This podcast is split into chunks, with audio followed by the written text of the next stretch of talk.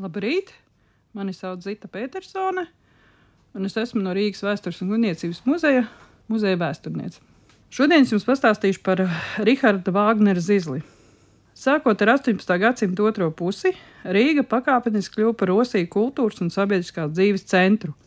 Kā rezultātā tika dibināts pirmais stacionārais teātris Rīgā. Tas notika pateicoties vidzemes politiķa un mecenāta Otto Hermaņa von Pītenhofa šēla spilgtai personībai un atbalstam. Ap viņu pulcējās ļoti daudz ievērojumu cilvēku un arī tā laika ievērojami aktieri un dziedātāji. Tā rezultātā tika uzcelts pirmais stacionārais pilsētas teātris, toreizējā ķēniņa ielā, tagadējā Rahāda Vāgnera ielā 4. Tagadējā Vāgnera zāle, jeb tagad jau viņu sauc par Vāgnera namu, ir šī Rīgas pilsētas teātra pirmā ēka.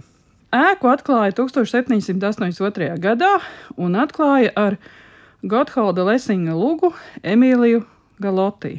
Rīgas pilsētas teātris bieži vien darbojās neregulāri, pārtika no sponsoru naudas, taču Rīgā visīsākajā laikā pēc pirmsrādēm uz Rīgas ievērojamākām skatuvēm tika uzvesti daudz iestudējumu. Taču 1837. gadā, 50 gadu jubilejas sanāksmē, Teātrim tika saziedot liela nauda, lai tas vispār varētu turpināt strādāt.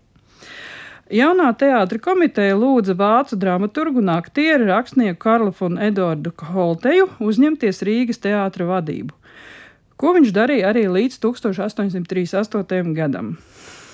Muzejā ir viņa un viņa sievas Jūlijas Holtzbekeres attēli, kuros abi redzami Karla Holteja sarakstītās lugas vīnieši Parīzē kostīmos. Karls Holtejs šajā laikā bija ļoti populārs arī Vācijā un arī Baltijā. Viņš ir rakstījis ļoti daudz dziesmu spēles, dziesmas, kuras pazina tā laika sabiedrība, kā arī rakstījis vairākas melodrāmas. Un tieši viņš ir tas, kādēļ Rīgā nonāca Rahards Vāgners.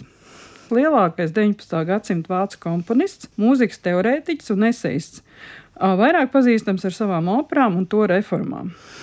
Vāgners ļoti daudz ceļoja pa Eiropu un dažādām vietām, un viņš ir strādājis vairākos teātros par kormeistaru. Rīgā Rahards Vāgners strādāja no 1837. gada augusta līdz 1839. gada jūlijam par Rīgas pilsētas galveno diriģentu. Vāgners Rīgas posmā aizsāka darbu pie savas operas Riencī, bet vētras laikā uz kuģa bēgot prom no Rīgas pa Baltijas jūras Parīzi, viņam dzima ideja par operu klistošais holandietis. Strādājot Rīgā, Vāģneris iestudēja vismaz 20 dažādu slavenu vācu, itāļu un franču operas. Neraugoties uz to, ka Vāģneram īpaši nepatika Rīgas muzikālā dzīve, tomēr viņa grāmatā Mana dzīve ir rakstīts ir tas, ka tas nebija tik traki ka šī dzīve tomēr viņu arī zināmā mērā iepriecināja. Un uh, vispirmām kārtām viņš aizņēmās uh, no Rīgas pilsētas teātra arī sava nākamā teātra, Bairētas teātra arhitektonisko veidojumu.